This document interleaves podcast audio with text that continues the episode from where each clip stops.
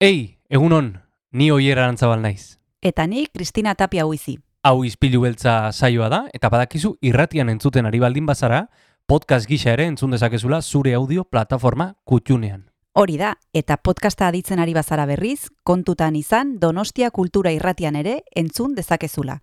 FM eundazazpi puntu lau frekuentzian. Sare sozialetan ere topatuko gaituzu noski, izpilu beltza bilatuta, Instagram, Facebook eta Twitterren. Besterik gabe, guazen gaurko saioarekin. Az gaitezen,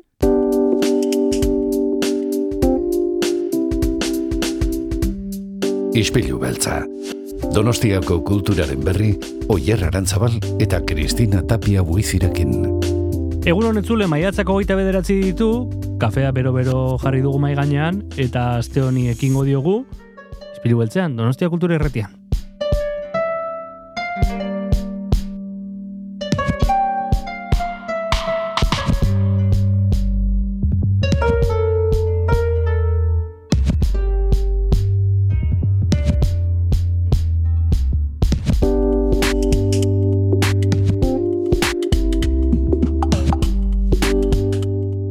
Egun hon, Kristina, egun oier, zer moduz hasi duzu astea? ondo, klasikoak datoz, eta klasikoekin, ba, bueno, dantza ez, baina... Bueno, bai, Piskat.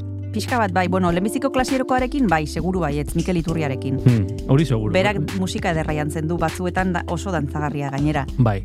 Eta berarekin batera errepasatuko dugu asteontako agenda, badekizue berak mapa zabaltzen digula, eta Bai. gainera izango dugu gurekin Rodrigo Fernandez. Bera musikeneko ikaslea da, Mhm. eta Schubert Quintet taldea, e, taldearekin batera, e, joko dute antzokizarrean maiatzaren hogeita maikean, berak biolina jotzen du, eta kontatuko digu nola prestatu duten kontzertua boier. Bueno, hori guztia gaurko saioan, eta nola ez, Asier Errastiren musika ere bai, guazen. Guazen.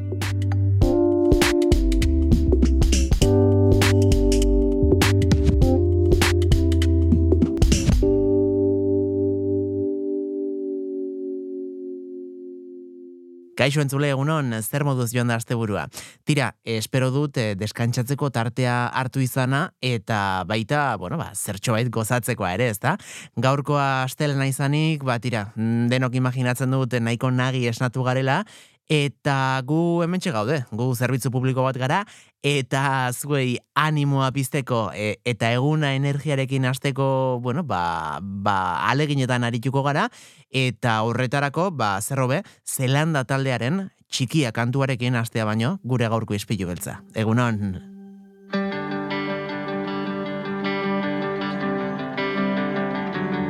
txikia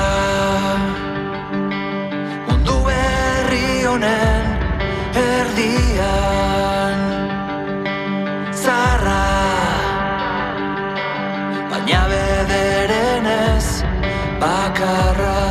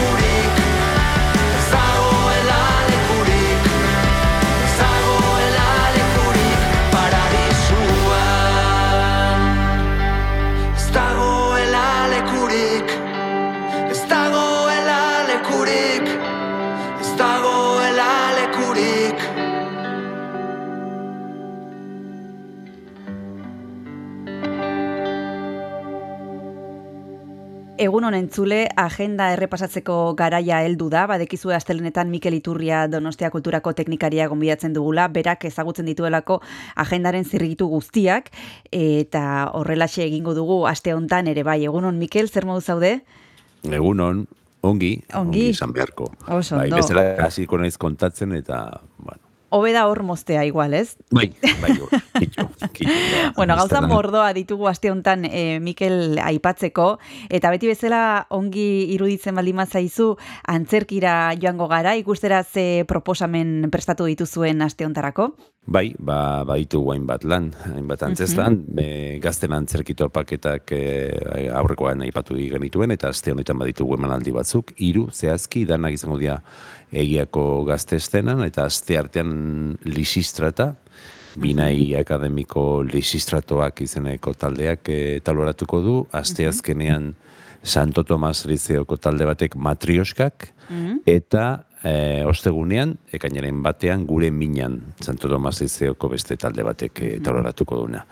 Gero antzerki profesionalean, e, ostegunean telebistan eta interneten ezagun samarra dan, aktore eta entertainer bat, edo ez da nola iz- esan, Bai, Angel eta Martin. idazle ere bai orain. Bai, e, eta ez dakit zenbat gauza, bai. E, pobre, seguro, esaten zuen e, zea, zea batek, ez? E, giz, olako hainbat e, gauza iten bali ditu. Baina, bueno, ematen du ondo dijoakiola Angel Martini, eta, bueno, ba, tipo neko bitxia da, eta azkarra ere, bai. Bai. Punto para los locos, e, tauraratuko du. Bai. Mm, Ez dakit horre eromenaren inguruko bakarrizketa bat e, dirudi eta bueno, salerrerak oso azkar salduzian, gero beste batzuk edo jarri zian salgai eta hoin gelitzen diran bakarrak dira ikuspen murritzokoak eta hauek e, antzokiko lehiatian eros daitezke bakarrik. Eta da antzerki, antzerkiak duena. Ederki, joango gara dantza ekitaldiak errepasatzera orain, bi emanaldi okerrez banago Mikel, ez? Hori da, bi emanaldi ditugu, bata intxaurrondo kulturetxean ostiralean izango da, ba, bat e, dantzak e, aztarnak izeneko ba, Afrikako dantza emanaldi bat, e, afro garaikidea, mandinga tradizionala eta bar, e, zea, e, uztartzen dituen emanaldi bat egingo ditu, zuzeneko musikak, ahotsak ere egongo dira, eta hau antolatu da Afrikaren egunaren bueltan, maiatzaren hogeita bostean ospatu, e, ospatu zena. e, bigarrena, larun batean, ekainak hiru izango dugu altzako larratxo kulturetxean, jau hogeita bi urte dira larratxo kulturetxean Sevillanen jaialdi egiten Bai. dela, Alma Corazón y Baile Akademiak, ba, bueno, ba, Espainiako e, egualdeko hainbat, e, bueno, ez dakit, musikak eta dantzak eta ekarriko ditu. Eta honekin akabo, bi hauekin akabo dantza manaldiak. Bueno, antzerkia eta dantza errepasatu ditugu, guazen orain e, musika kontuak aipatzera. Musikeneko e, Schubert Quintet iragarrita zegoen, badekizue antzokizarrean e, hogeita maikean kontzertua eskaini behar zutela, aste azkenean, baina azken orduko arrazoiak direla medio, osasun arazoak hain zuzen ere, atzeratu eginda, udazkenera guk lotuta geneukan elkarrizketa Rodrigo Fernandez biolin jolearekin, eta, bueno, erabaki dugu mm, emititzea, ala ere naiz eta kontzertua udazkenean izango den, Mikel, ez? Hori da, iaz kontatzen duen, Rodrigo Fernandezek, eta ba, zuk esan dakoa, osasun arrazoiak, azken ordukoak, ba, azte azkenean eh, egitekoa zena, ba, atzeratu egin da, oindik ez datarik, baino, baino izango dugu horren berri ere bai, Ederki. musikeneko ikasle eta irakasle osatutako boskotea da. Gero ostiralean, eh, lagunekin kantari programaren amaiera izango dugu, Larrotxene kultur etxean, eta kasu honetan maialen errota bere, ongo da taula gainean, lehen zatia bere eh, lehen zatian bere repertorioa edo eh, kantatuko du eta bigarrenean ba kantuzalekin batera hariko dira ba kanta ezagunak edo ba be, elkarrekin kantatzen eta agian bloke hau isteko ba maialen errota bereren ahotsa entzun dezagun eta Ederki. arrozako zolan kantua izan daiteke bat Vale. Leber Luisan talderekin batera maialen errota bere Ederki, guazen entzutera.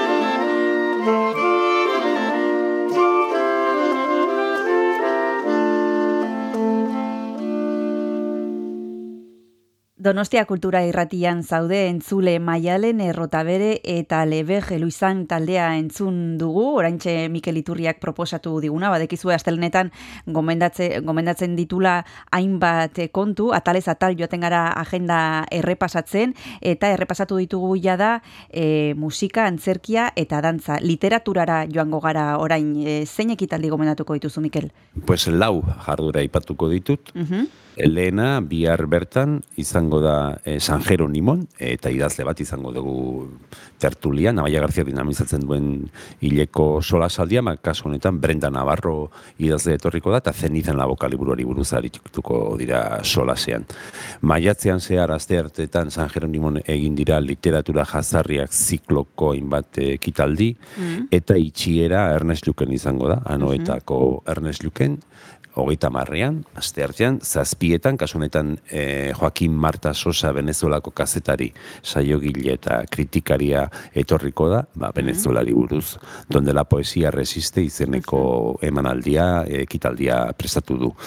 Pasaren astean edo aipatu genuen Tomaseneko literatur de, denboraldia itxiko zala, uste kabeko liburu batekin, eta orain Ana Merino gauza bera egingo du, aste azkenean, hilako itamaika, eguerriko amaiketan, okendon. Aha. E, aste azkenean, baina egian, edu zabalak idatzen duen solasaldia euskaraz, zazpietan, miren korrotxategiren sotoan gordeak liburua, hau egia euskaraz eta egia bizirik ematen egiten den solasaldia, eta honekin laugarren a, ze aipatu dut, jarduera eta kitxo. Ederki, literatura bukatu dugu, lau emanaldi, bueno, lau ekitaldi aipatu ditugu, azpimarratu ditugu, bide horrian markatutakoa jarraitzen badugu, urrengoa erakusketen eremua izango litzateke, artea eta erakusketak. Goazen aipatzera kontu batzuk. Arte eta erakusketak aipatuko ditugu, ekainaren lauan bukatuko da San Telmon laroita mar berriak izeneko erakusketa, e, martxotik edo egon dana, ikusgai, e, igandera arte daukazu bisitatzeko aukera, astelenean itxita, baina aste artetik igandera, goizeko amarretatik iluntzeko sortzietara. El, nekana eranburuk e, gidatutako edo komisario lanak egin ditu erakusketa honen e, zearen baitan, eta laroita amarreko amarkadan, hainbat espazio alternatiboren berri ematen du. Berak gidatuko du bisita bat, gaztelaniaz, ekainaren bian, arrasaldeko seietan, eta ondoren, mai inguru bat egongo da, Bai. ba, laroita marreko kultur praktika hietako irutan sakontzeko aukera izango dugu, Asier Perez, Peio Agirre eta Beatriz Silva egongo dira, eta bera, anekan aranburu bera egongo da moderatzen. E, kasu honetan, ekainaren bian, arrasaldeko zanzpietan, San Telmon. Mhm. Eta etzi izango dugu gurekin, Mikel. Ara, Bai, horienekin. bai, etzi izango dugu nekane aranburu, kostatu zitzaigun harrapatzea, baina azkenean tartetxo bat egin zuen, saltza askotan dagoelako sartuta, baina nahi izan ez gero, e, ba hori, etzi, apuntatu agenda nekane aranburu izpilu beltzan.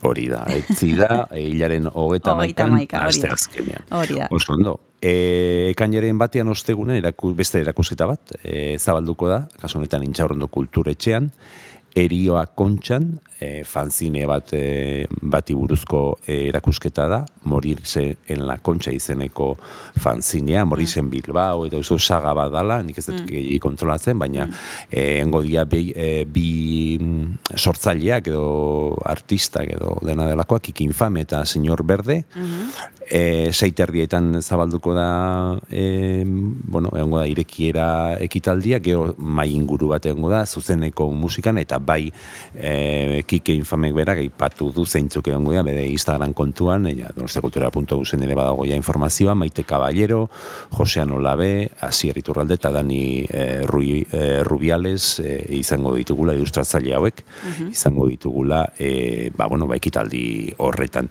Eta bloke honi amaiera emateko igandean, ekainak eh, lau, e, itzaldia, Santelmon, Santelmon Museoaren lagun elkarteak antolatzen duen hileko e, itzaldi hori, eguerdiko amabietan, el trienio liberal, mila zortzireun eta hogei, eta mila zortzireun hogeita iru bitartean, e, ba izan doko, Espainian izan dako komeriak, e, komeriak, Manuel Estradaren e, eskutik, e, Kristina. Ederki. Bueno, amaier aldera iristen ari gara, eta falta zaigu gauzatxo bat aipatzea edo atal bat aipatzea, pentsamendua eta eta gogoeta atalean hiru hitzaldi azpimarratuko ditugu gaur. Bai, ez da paretari begira jartzeko pentsamendu, jarrio pentsatzen ez, ez ez, hau beste gauza bada. Eta azti artean hilako itamar, Santelmo Museoan, e, Deustoko Unibertsitatearekin batera, e, hor badako ater e, ares izeneko Bai. lantalbe Bai. bat, be, berdintasunaren aurkako erresistentziak zikloa da, e, ustut ere elkarrizketatu duzen nuela, miren berazategi, e, tar, e, bea egongo da, mm, hau gidatzen, ekitaldi hau gidatzen, Ana de Miguel ekarriko dute, e, gonbidatu dute, resistencias internas a la, ingua- a la igualdad, berdintasunaren aurkako barne resistentziak edo jorratuko ditu, e, be, aditua da, ba, neoliberalismo sexual izeneko liburua e, publikatu duelako, ideologia neoliberalaren e, ba, bueno, ba, horri buruzko kritika bat da liburu hau. Gero Gipuzkoako Eskualdetxeen Federazioarekin batera okendo maiatzean antolatu diren itzaldiak ere bihar eh, amaituko dira eta Ulia Mendiko transportaderaren eraikuntza eta Niagarako urjauziari buruz arituko da solasean Francisco González Redondo. Aha. Eta agendarekin bukatzeko, ba, gizun txaurrendun dagoela Extremadurako kultur zentroa eta Bai. ostegunean, eh, hilaren batean, ekainaren batean, intxaurrondon bertan egongo da Ezekiela Albarran Garzia, irakasle eta idazlea, amaseigarren mendeko Extremadurako emakume bati buruz eh, hizketan, noble bati buruz, Mencia Calderon Ocampo, jen, Aha. esenarra hiltzitza jonean, ba, bueno, haiek zeukaten abiatuta eh, Ego Amerikara joateko alako espedizio bat, eta berrogeita emakume eraman zituen, eta, bueno, ba, Europa mailako aristokrazia koloniala abiarazteko edo asmoz, eta, bueno, eh, a priori interesgarria da, eta ia ze kontatzen duen, Ezekielak, eta honekin, akabo, Kristina. Ederki, beste behin, beti egiten dugu, baino beste behin gogoratu behar dugu informazioa eguneratua dagoela donostiakultura.eus webgunean, komeni dela hala ere e, gertutik jarraitzea Donostia Kulturaren plataformak, batez ere abildua Donostia Kultura kontua Twitterren, azken orduko aldaketen berri izateko, adibidez e, Schubert ikintetenera e, bezalakoa, eta gure esan aurretik, beti bezala, beste abesti bat eskatu behar dizut, Mikel, e, zer pentsatu duzu? Ba, bitu, ah, nik uste dut, kan, talde hau ezagutzen, eta Aha. esango nuke eh, Nacho Pato, Ignacio Patok e, intziala elkarrizketa bat, edo eh, erreferentzia bat nun baiten, Rui Señora, izeneko Ah. talde bat, izen eh, berezia daukana, eta kanta da Etxa al Pestillo. E, kolaboratzen du kanta honetan, edo gonbidatu dute Andrea Buenavista, Ah. izen beresi xamarra duen beste talde bateko kide izan dakoa, Los Lagos de, de Inol, ez? Mhm. Garai bateko, mm, ba, bueno, hogeita, larogei garren amarkadako kontuak, Bai. eta taldea esango nuke largoita marrekoa dela, edo 2000 urtearen bueltan edo sortutakoa. Eta e, Rui Señoraren etxal pestillo e, entzuteko gomendioarekin esango dugu agur, agur. Bueno, ba, etxal pestillo, Mikel, eta hurrengo aztera arte, Mikel, mila esker, retortzeagatik beste behin Donostia Kultura irratira. Zuri. Agur.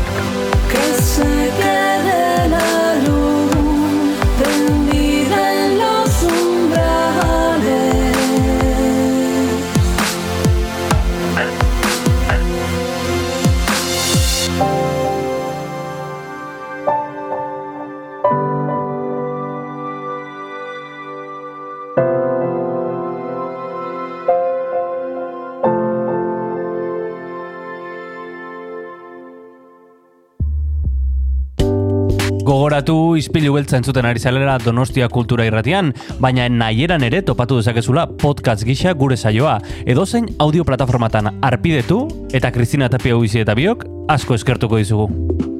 Orain jarrai dezala saioak.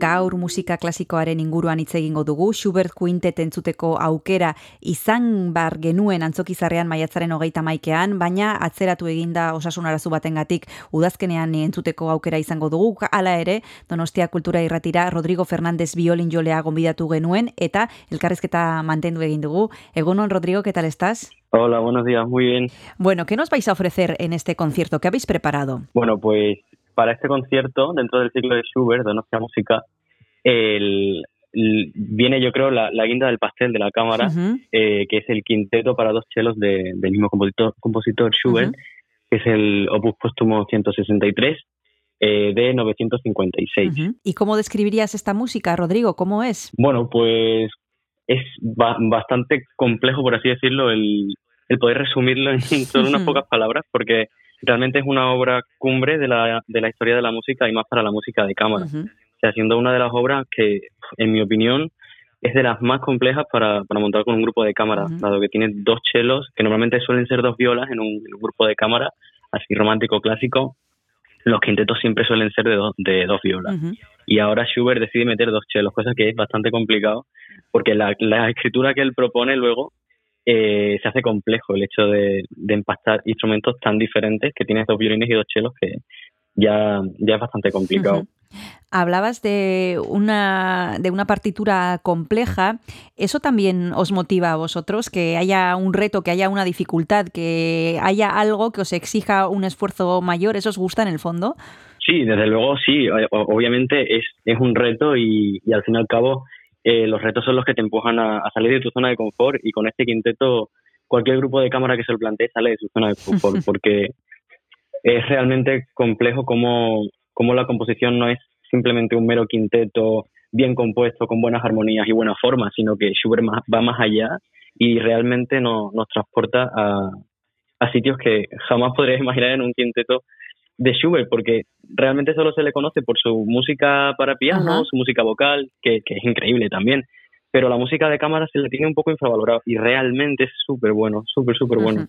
Cuando hay una partitura que entraña cierta complejidad o una dificultad, como decías, eh, sobre, sobre esta partitura, eso también, además de que os guste ese reto, supongo que tendrá partes gozosas, gozosas, ¿no? El hecho de saber que eres capaz de, de hacerlo y que lo haces bien, eso también supongo que será satisfactorio. Sí, claro, al fin y al cabo, cuando te preparas ante una obra de esta, de esta magnitud, que como ya, ya he dicho, es, eh, eh, no, es, no es una obra del día a día, Mm. es una, una, toda una experiencia. Cuando te plantas ante una obra así, el, lo primero es que te da el respeto, de Mm. decir, tú tienes la partitura y ves todo lo que se viene encima y te da muchísimo respeto.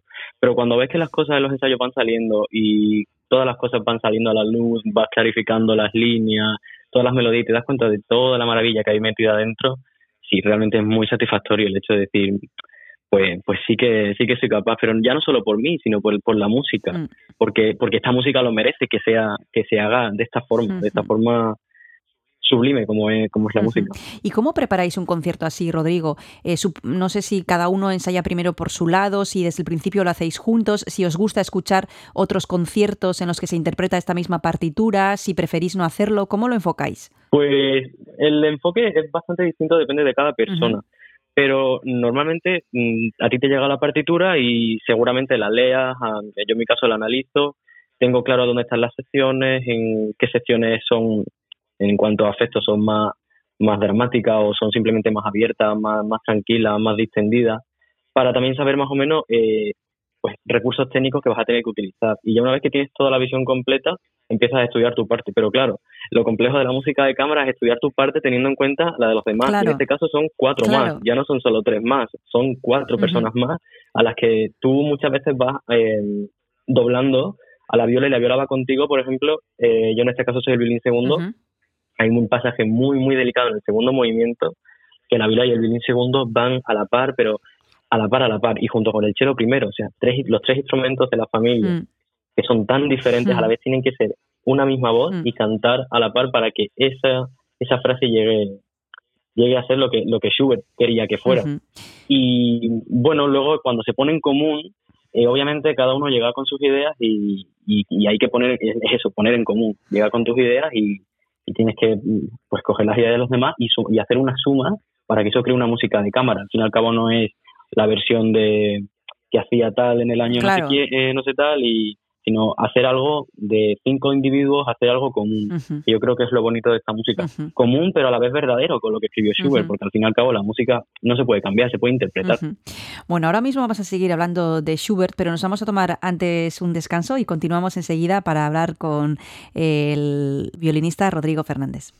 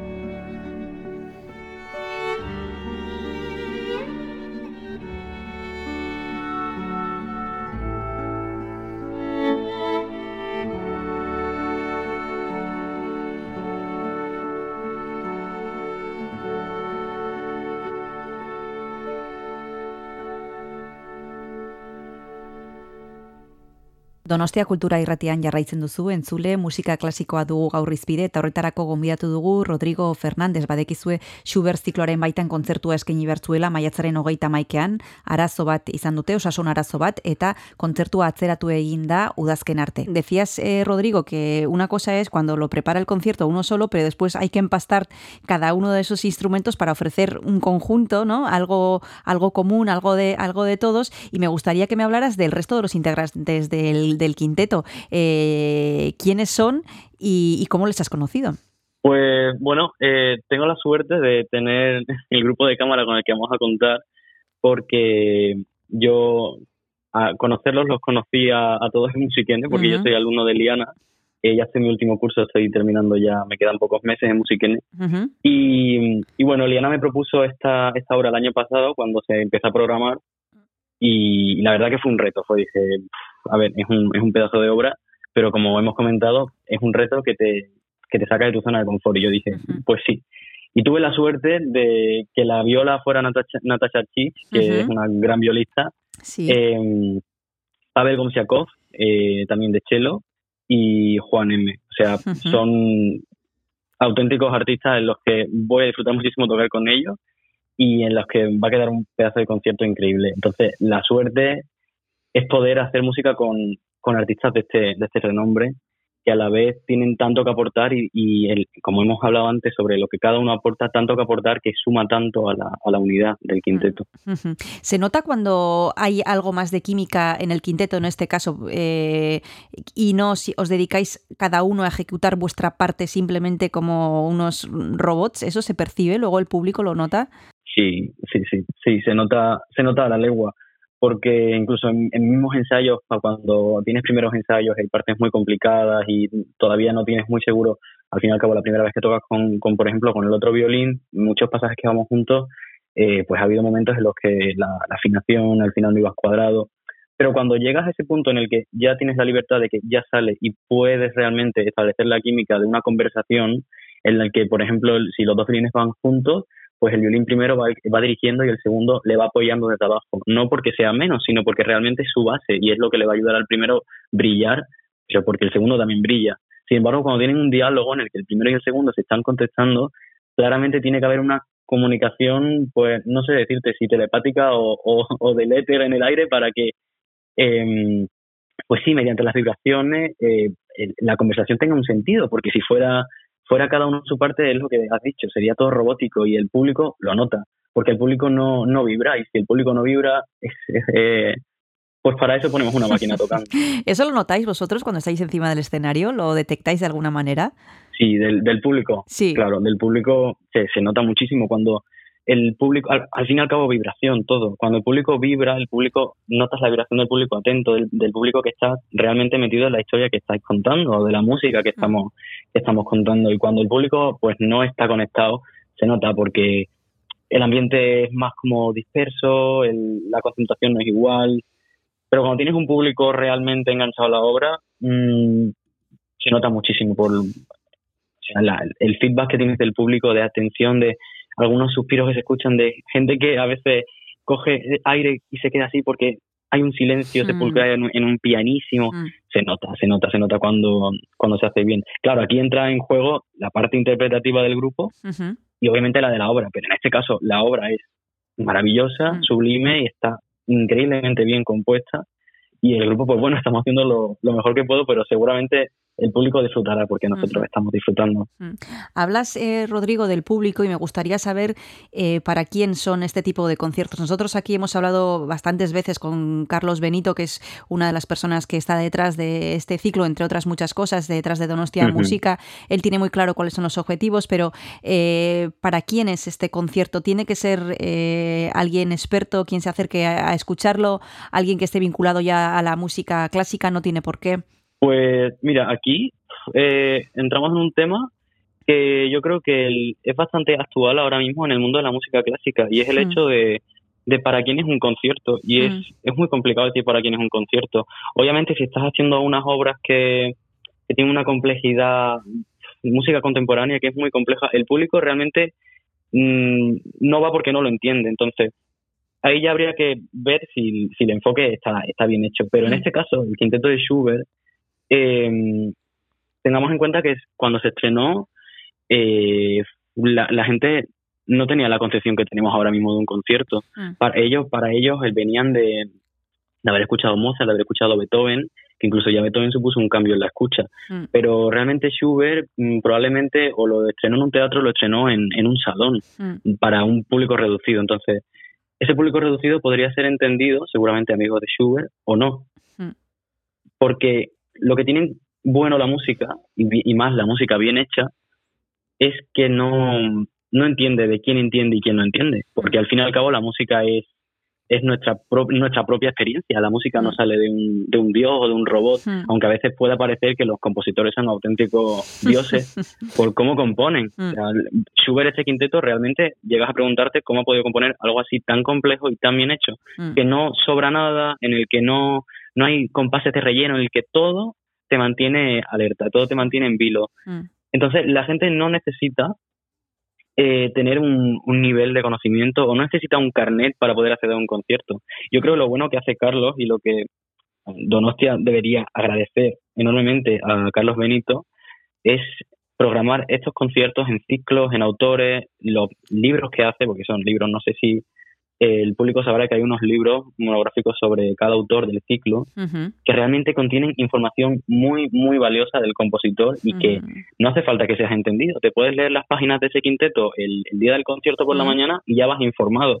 Vas informado y entiendes un poco mejor la música. Pero una cosa es entender la música, qué, qué día tenía Schubert, qué quería hacer, un poco de, del análisis a, a pie de calle, porque no todos somos músicos y eso hay que entenderlo. Porque si solo entendiéramos que todos somos músicos, el público sería muy reducido Claro, claro. pero muy, muy reducido. Y la cosa de la música, la cultura y el arte no es que sea reducido, es que sea para todos, porque al fin y al cabo es algo que nos tiene que, que llenar a todos. Y entonces ahí entra lo que no es la comprensión, sino lo que es el, el sentir, el vibrar y el y el público si vibra en, en dramático, el público entiende que es dramático. Si de repente el discurso es más distendido, más, más campestre, más abierto, yo puedo decirte que porque utiliza tercera, porque el- los violines van un poco, la escritura se, se acorta un poco y los violines van más seguidos y pa, ya, pero el público eso no lo entiende, pero sí que entiende la vibración que eso significa. Entonces yo creo que este concierto es para, para todos los públicos, nunca mejor dicho. Y, y de verdad animo a todo el mundo a que venga porque es una experiencia, es un quinteto que no se programa demasiado por su complejidad, por su... es grande, es, es largo, o sea, es largo y a la vez no, porque tiene tantas cosas diferentes que en ningún momento te da tiempo a aburrirte. Con esta invitación nos vamos a ir al segundo descanso. Continuamos en un momentito.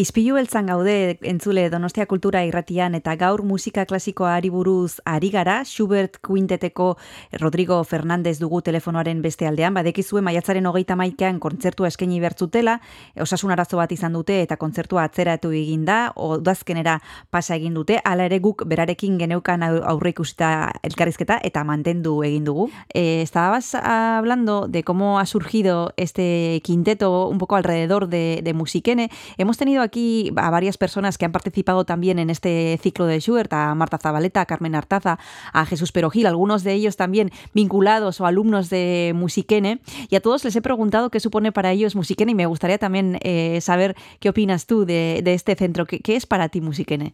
Pues para mí ha sido eh, un sitio al que tenía claro que tenía que venir. Hmm. No sabía por qué, muy bien, pero tenía claro que tenía que venir porque había algo algo esperándome. Y hice las pruebas y tuve suerte de que vieran algo en mí también y esa fue una, una verdadera suerte. Eh, la suerte también fue dar con, con Liana, la violinista, la primera primer violín del quinteto, que, que realmente me ha abierto las puertas a- al mundo al mundo de la música. Ujú. O sea, el- eh, la música ya no solo son notas, para mí ya no solo son una escala o un, o un número de notas que tengo que afinar, sino que es algo que va que va mucho más allá de, de, de simplemente una partitura con, una, con unos dibujos, ¿no? Eh, entonces yo, Musiquene, le, le estoy agradecido por eso, por haberme encontrado, haberme hecho encontrarme con profesores tan tan buenos como los que los que he tenido. ¿Siempre supiste, Rodrigo, que te dedicarías a la música o ha sido algo que te has ido encontrando poco a poco con este camino sin tú buscarlo demasiado o desde pequeñito sabías que esto era lo tuyo? Pues bueno, se- según lo que a mí me cuentan mis padres, porque tampoco tengo muchos recuerdos, yo lo tenía muy claro y, y empecé desde pequeño y tenía muy claro que quería violín. Mm. Entonces parece ser que fue algo que tenía yo ya decidido de antes, no sé, no sé muy bien por qué. Y bueno, con el tiempo pues te vas dando cuenta de que tienes ese tienes ese ímpetu de querer Mm. hacer esto y no sabes muy bien por qué, pero cuando van pasando los años vas limando, vas perfeccionando, vas dándote cuenta de por qué lo quieres hacer. Y sí, a- y a día de hoy tengo clarísimo que el, que el mundo de la música es el mundo al que me quiero dedicar.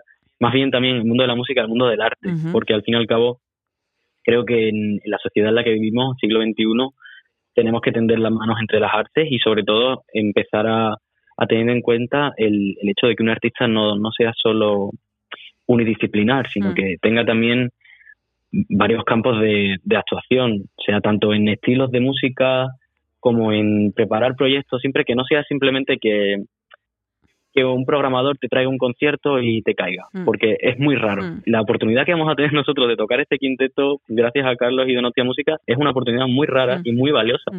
Entonces, el mundo real al fin y al cabo no es así, y el mundo artístico debería ser más de, de proponer, de crear, de, de acercar al público, de traer cosas nuevas. Bueno, pues un poco ese es el, el camino que, que yo tengo claro que quiero seguir, el camino del arte y el camino de, de aportar. Decías que te quedan pocos, meques- pocos meses en Musiquene y este es uno de los proyectos que tienes entre manos, pero ¿tienes algún otro más? ¿Has pensado qué va a pasar después de, después de Musiquene? ¿Tienes algo en mente? Sí, pues eh, ahora mismo eh, estoy bastante metido dentro del tema de la interpretación histórica y cuando termine Musiquene eh, me, me iré a Ámsterdam, al Amsterdam, Ujú. a, a estudiar esto, interpretación histórica del violín. Mm.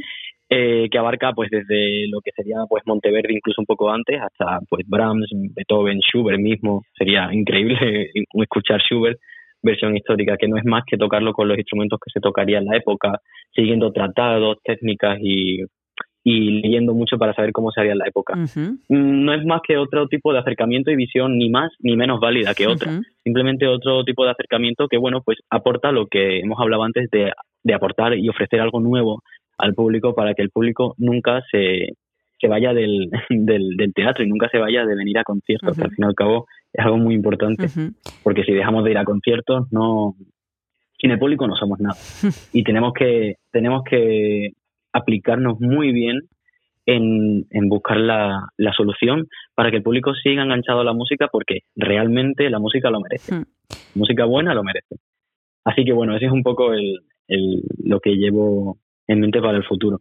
Muy bien, pues nosotros tendremos ocasión de disfrutar de este quinteto que va a interpretar estas piezas tan complejas que nos ha dicho el violinista Rodrigo Fernández al inicio. No será como estaba previsto el 31 de mayo, sino que será en otoño debido a un problema de salud de uno de los integrantes de la formación. Estemo- estaremos atentos a la web de Donostia Cultura para saber exactamente a qué fecha se va a trasladar este concierto. Muchísimas gracias, Rodrigo, por haberte acercado a Donostia Cultura y Ratía. Un abrazo muy grande y hasta la próxima. Un abrazo, hasta luego, chao, chao.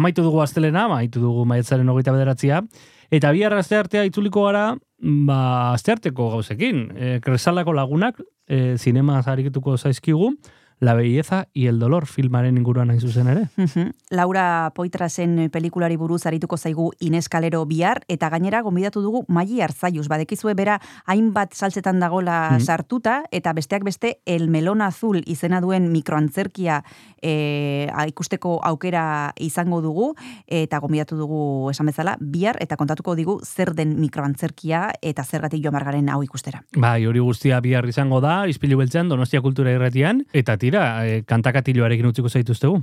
Agur! Agur, agur.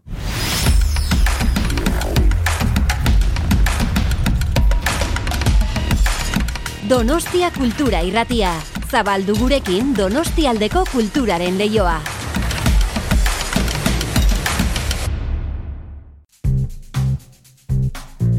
Kanta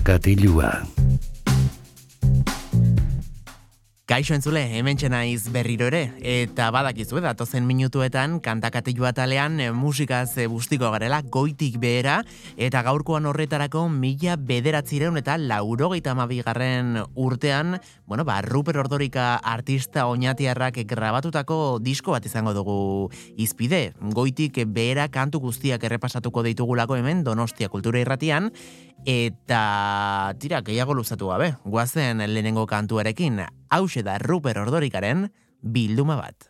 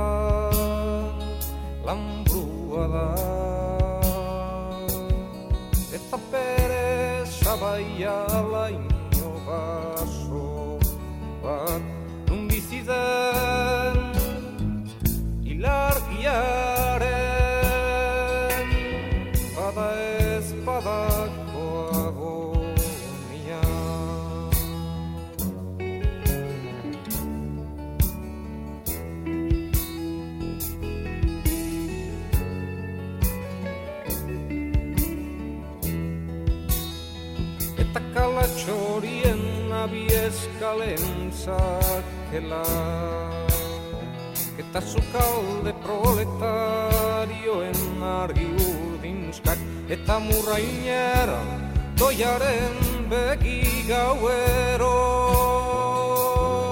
Zubitzarren etatik Ipaiari soperri papel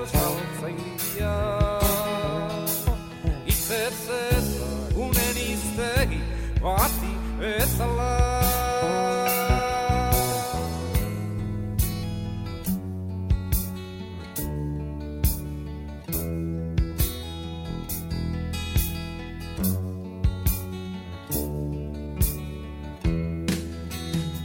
Bus txofer batzu botzeolariaz mintzatzen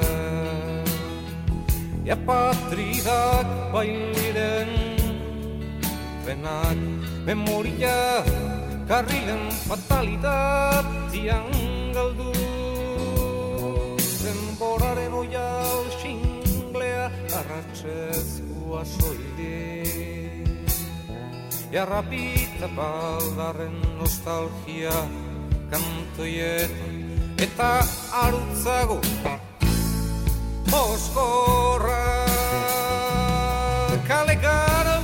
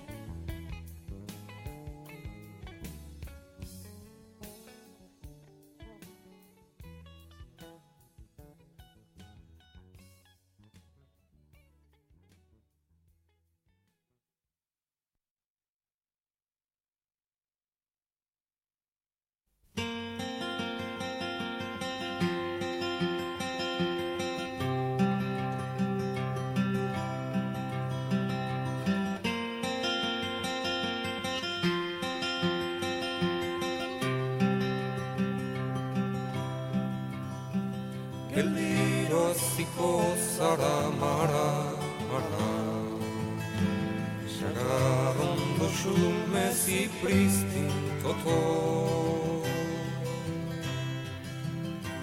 Doi doi gizendu sagarrondo tipi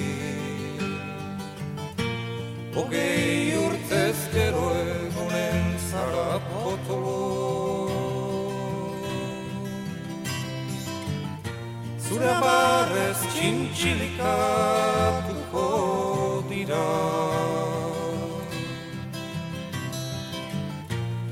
sonhar uma teoria.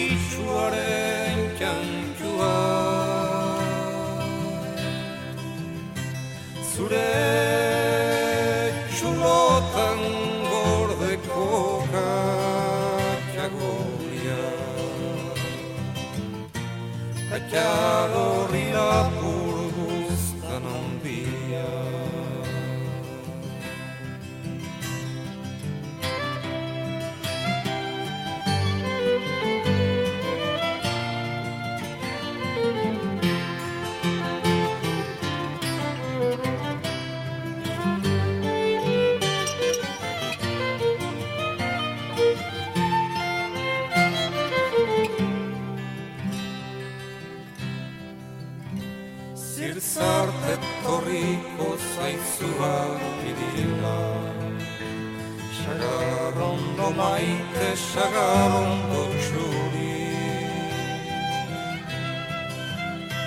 Txurigo maiatza, sagarrondo loti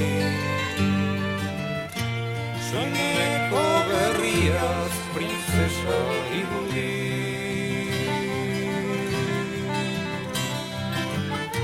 Ekainean mareak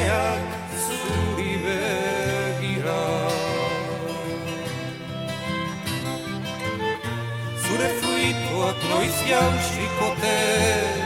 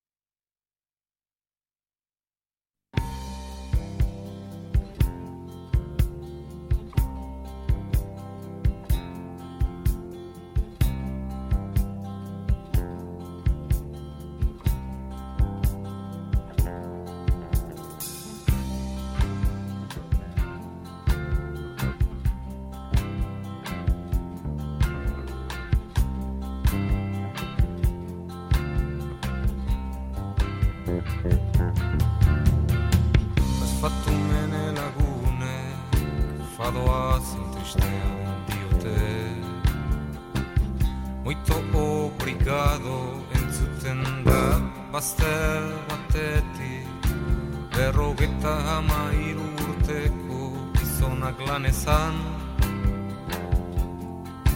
Badu gidatzeko dokumenta edo zein lan hartuko luke premialarrian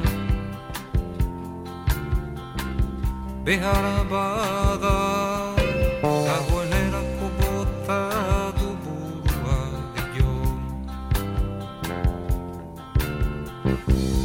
Maite hauna bota ditu kutsarea ezpata.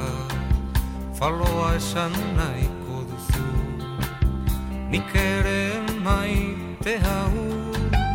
Utzi du betiko leioa Eta bildu zaio dolau garekin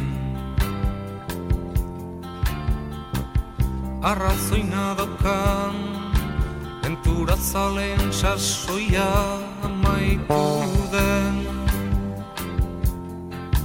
Eta atzo bezala esnezko ibaia.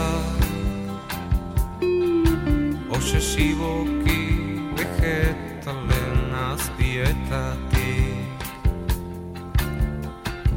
Lurrak orain ere infinitoak ditun auroinatipientza Baina nundira eroeak Imagina ezin adun beste lopea gire bat.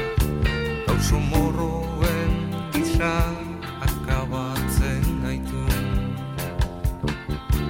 Gure azken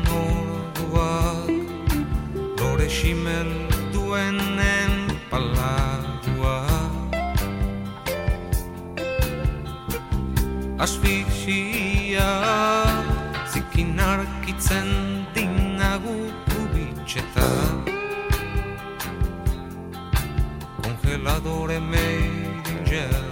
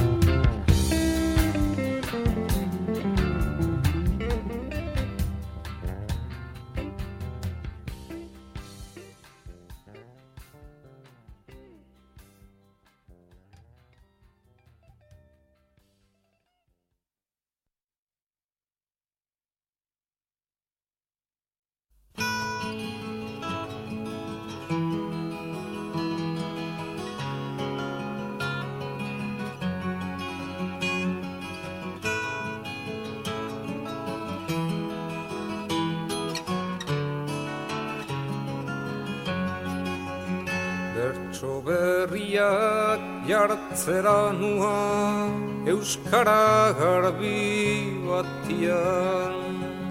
Itz politen bila ez etorri Hortaz gelditu atian. Barruak lasaituko ditu Testarriaren kautian Nire kantuak idurituko du Txakurren zaunka katian.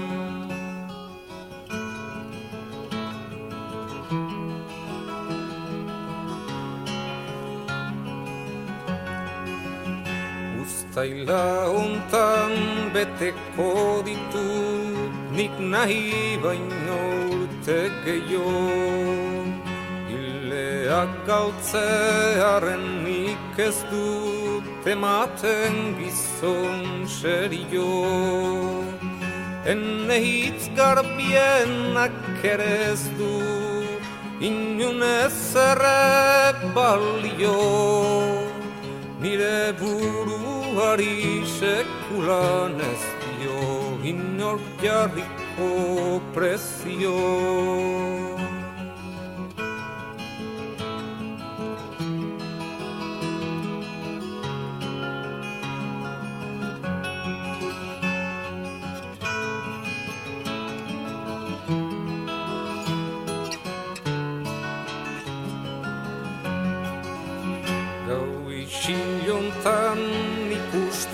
zaitut ifarraldeko izarra Ama bosturteko neska baten ametsa bezain ederra Urruti zaude mundu ontatik librea eta bakarra Inoren menpe kantatzen duzuta Zure boza da zilarra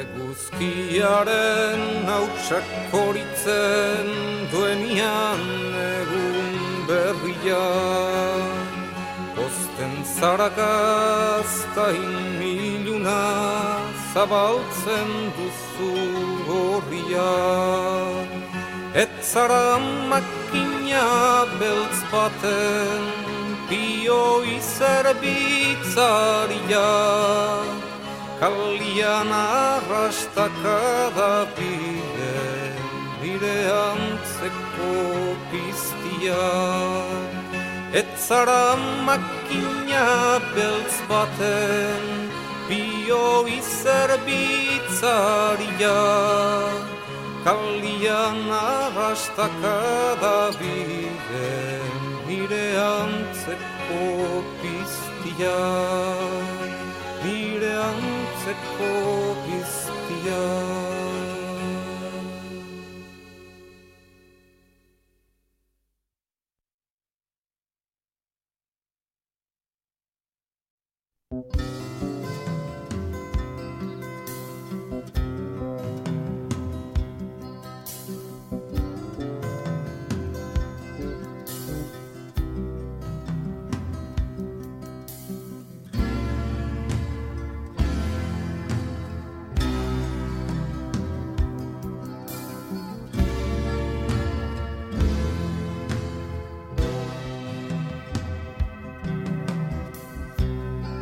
gertu bat nora begira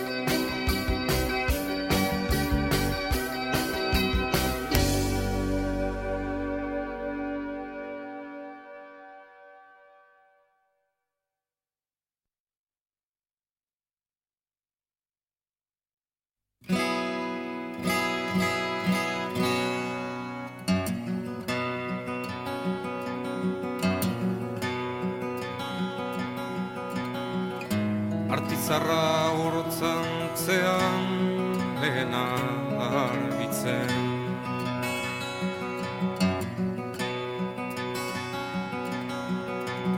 Xaku zahar zaharrena orain da esnatzen. Teila gorri horma grisa isilean laztantzen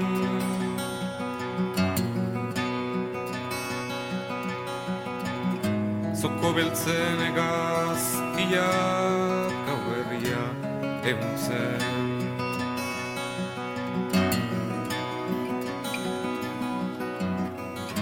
Hemen gautza ez zinirten errautzen gaztelutik.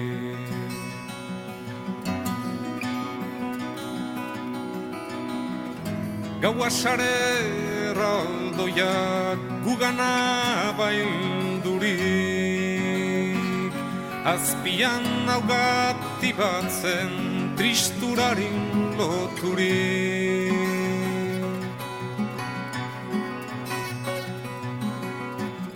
Hemen atzaut zer denen zadiera ziezinik. Hau izuen gorodeleku eta belar itxena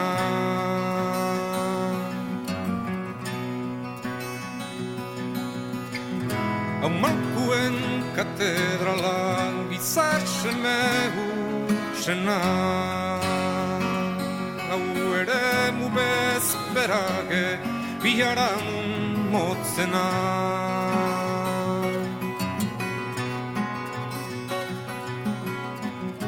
Hemen datza gorpu bizi herri bat izan zena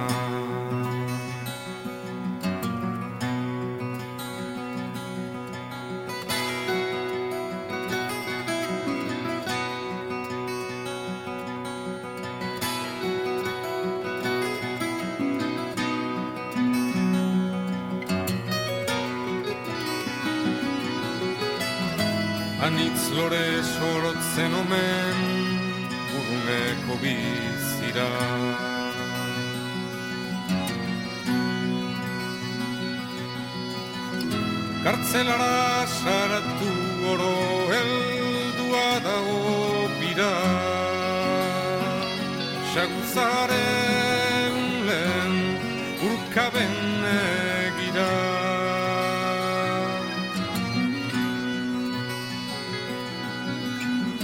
nola kulunkatzen garen bibegiez begira.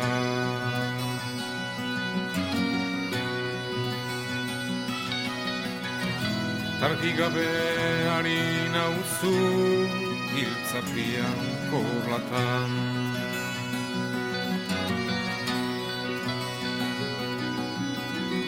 Oinazea bisitari goguaren zainetan Zaindariak paper bila ari dira zeldetan.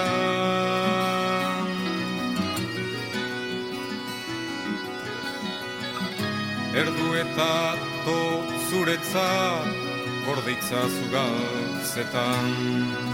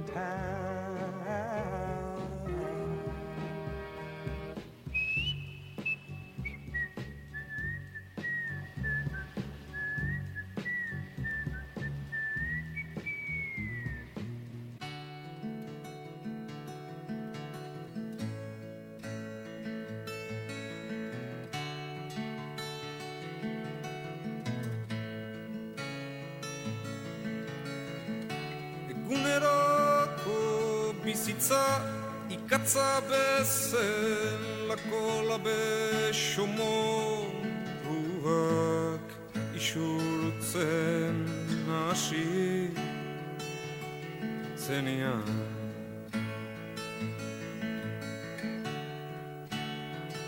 אתן גבי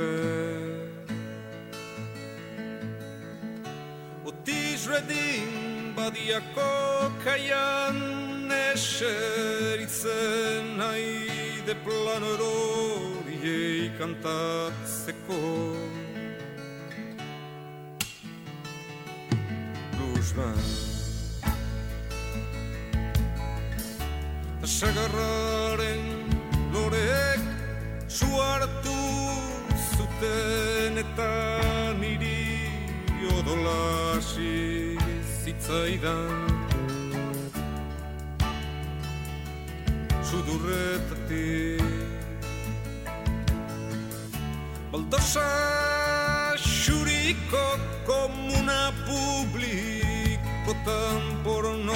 pornografia irakurtzen ari nintzen ian dede oh,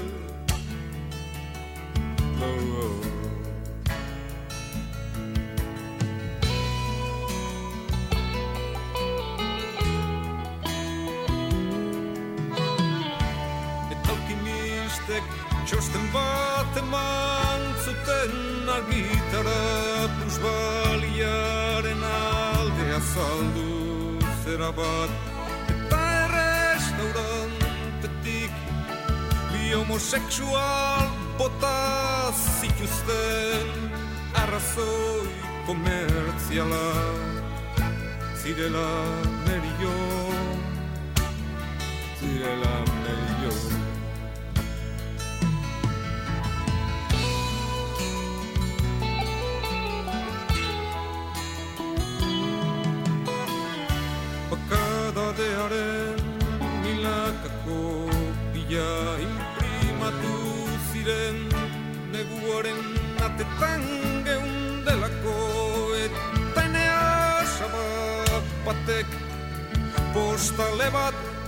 iskribatu zidan stop ene urte betetzia zelako stop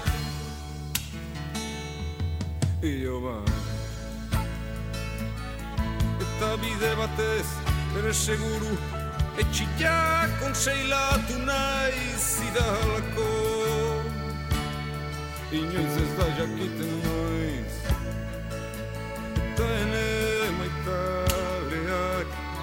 Telefonoa jotzidan Pobreza poreko Maitasunez Gauaren erdian. Gauaren erdian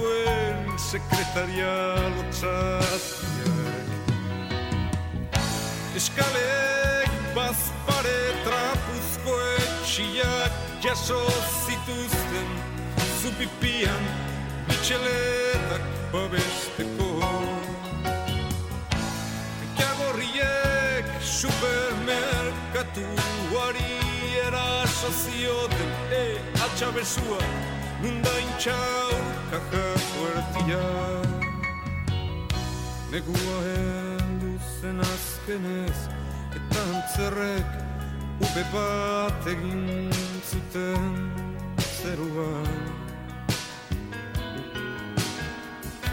Dispensariotan antitriste zipildorak Banatu zituzten ugari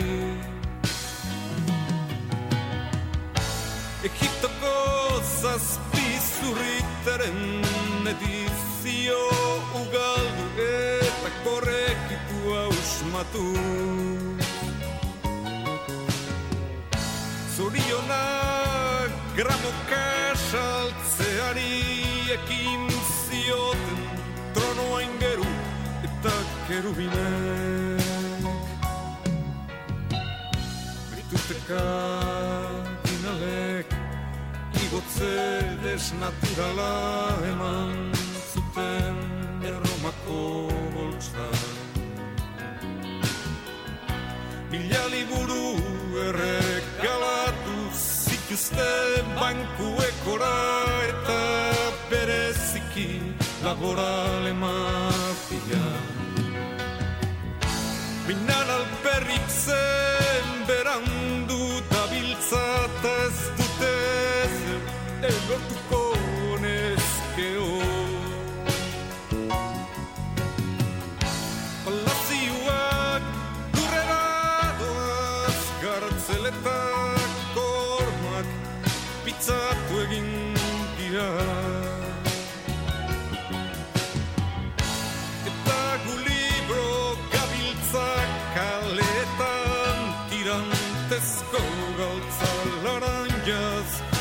city.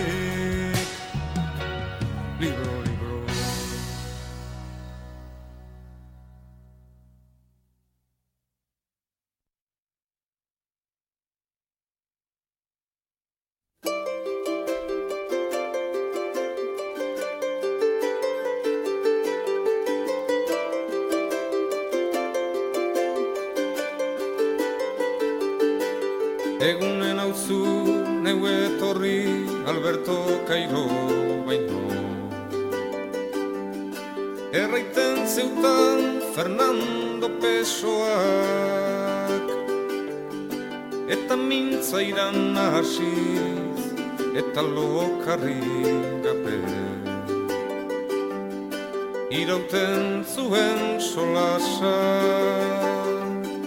irauten zuen solasa Eta eguzki lorek bezala ikusten zituen. Hormetan zelai urre gorriztatua. Edotan inoizarez estalia Ene begilau sotuek pinturaren bat izpilua edorma soila ikusi. Lekuetan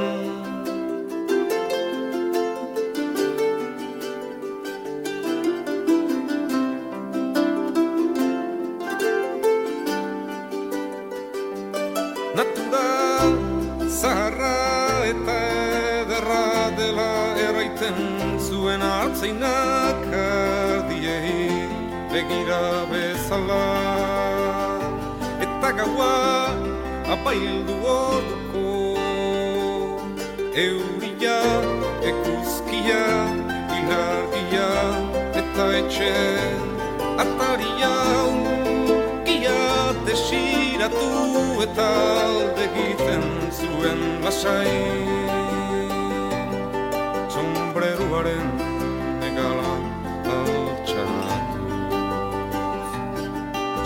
sombreruaren negala altxatu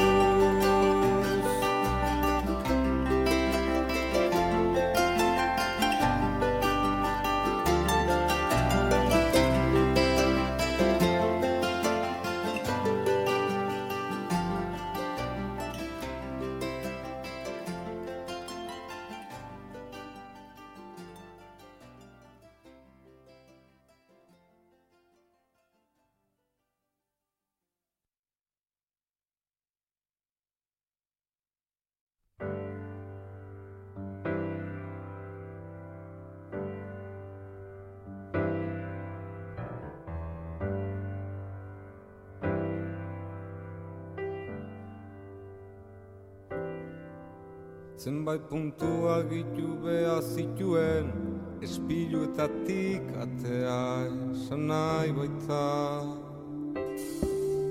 Ala nola etxe baten falta Eta nola bait esan behar. No ezean ipiltzea ziela Eguerdiatan zituen kezkak, decepzioak hainitz dira Eta besterik gabe oinen Eslai kantoetatik eta hola. Oiturak denboraren manera. Pasadizoutzak besteik ez dia eguneokoi hauna. Zenbait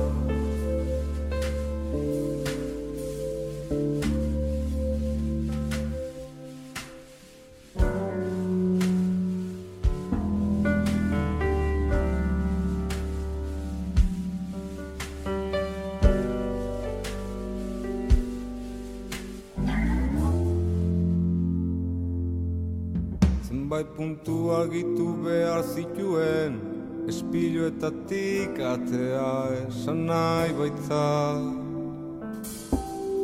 Argatik gorrotatzen ditu Ura jende konvenzionala Mendiari atzea pena deritzo Ziudadetik irtetzeik ez dago gaixotu naiz Negua eltzea denean. Txupabeltza eta adiskidea. Beharrezko ezinbesteko ditu Ekintza txikienen testigu Etxaia besteak dira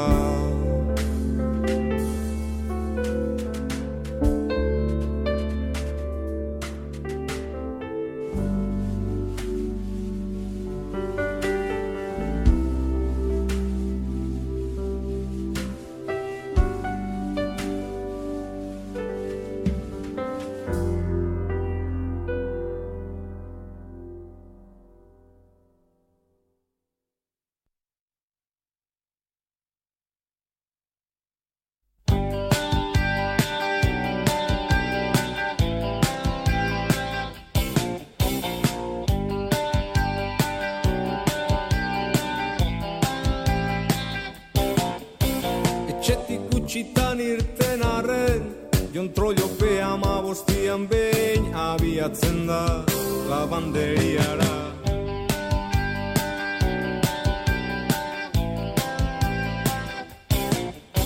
Etxe sail pare bat zeharkatu ditu Tango kaliak beltzaguak dira eta Distiratsuaguak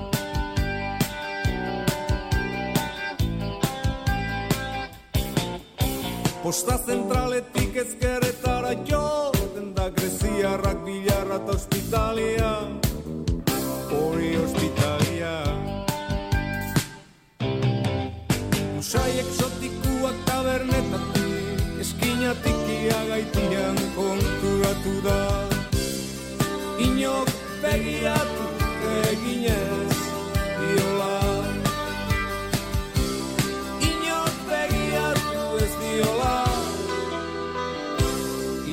Inok begiratu ez.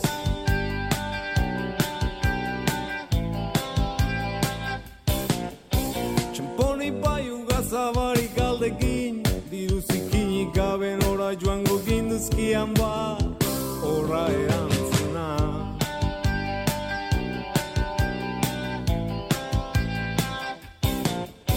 Lapadora martxan ezarri Errebistarik ekarri ez duene Leiotik begira zai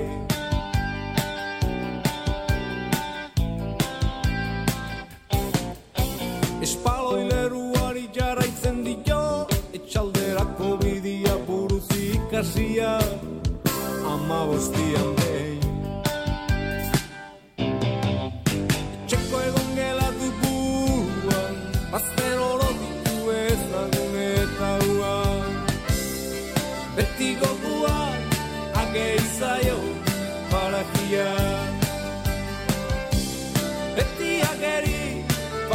E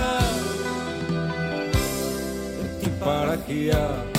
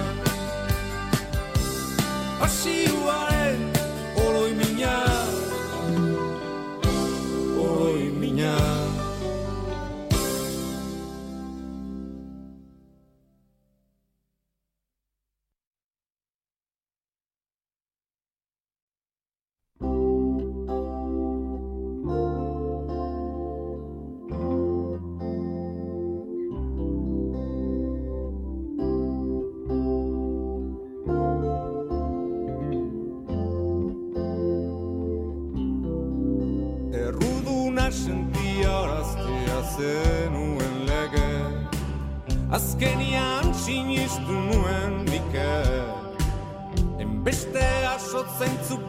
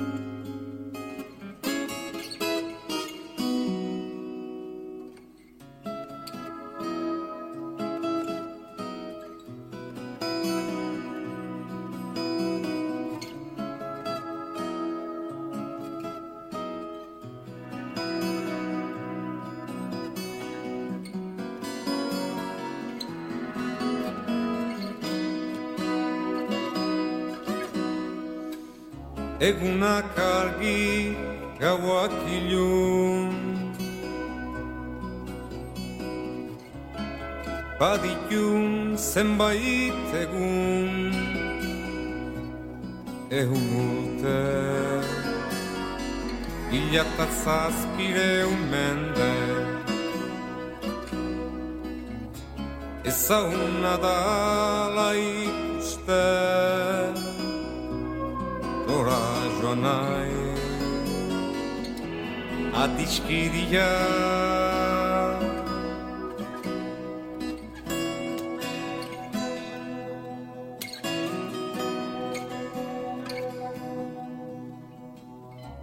Karta egidan jakiteko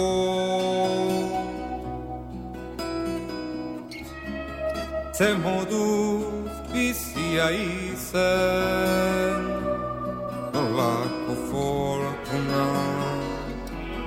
sangue não